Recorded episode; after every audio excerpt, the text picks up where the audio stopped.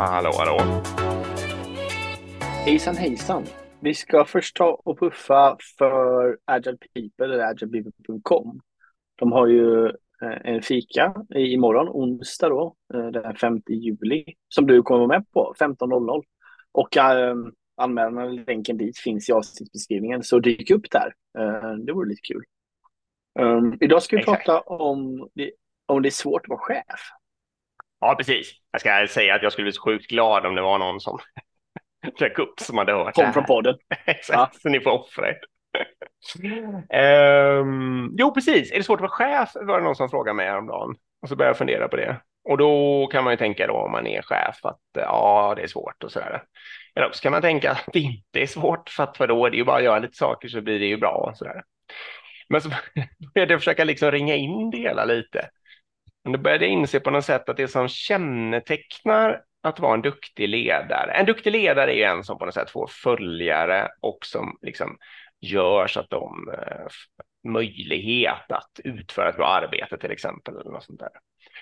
Eh, och det som kännetecknar det är ju lite att det både är komplext för att det liksom har med människor att göra, det är helt oförutsägbart, eller inte helt oförutsägbart, men det är inte något direkt orsak och verkan sammanhang, utan det är liksom oförutsägbart, ett system som kan bete sig på eh, olika sätt. Eh, och det andra är att det är mångfacetterat, eller vad jag nu vill välja att kalla det. Ehm, och, och, då inser jag på något sätt att eh, de, att det är liksom om man har det i sig då på något sätt, att man klarar av komplexa människoproblem och att göra eller, ganska mycket olika saker, eh, då är det nog svårt att vara chef. Men det är klart att man behöver kunna liksom jobba i, dem, i den kontexten då på något sätt. Får jag fortsätta lite till? Jag ska bara säga också att, för att det jag tänker då är till exempel om någon frågar så här, är hjärnkirurgi svårt? Är det svårt att vara hjärnkirurg? Då säger man ju, det är ju många som tror att det är svårt. Det är ju inte komplext, det är ju snarare komplicerat. Alltså det finns ganska tydlig orsak och verkan, men det är skitsvårt att göra det bra liksom. Eh, och inte mångfacetterat, det är snarare enkelspårigt. Man gör nästan alltid samma sak, man måste bli jätteduktig på det.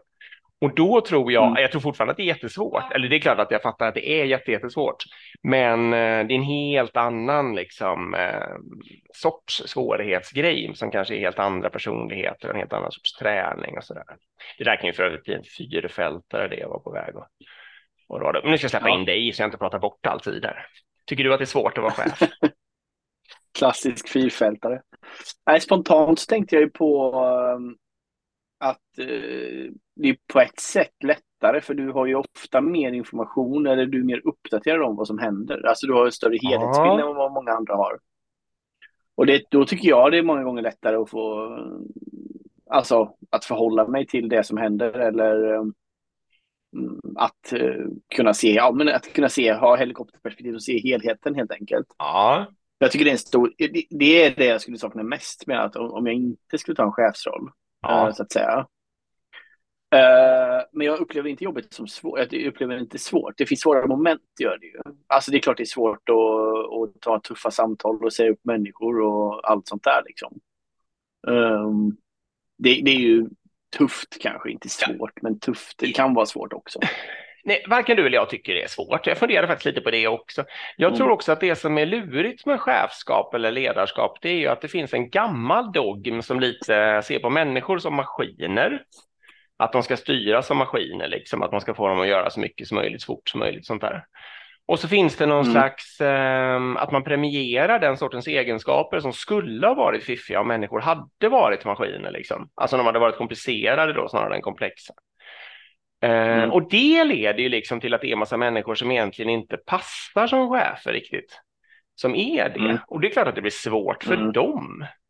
Men om man liksom mm. har alltså den här äh, människointresset i sig och förståelsen för att det är ett komplext system, att man måste jobba med människors drivkrafter och sådana där saker.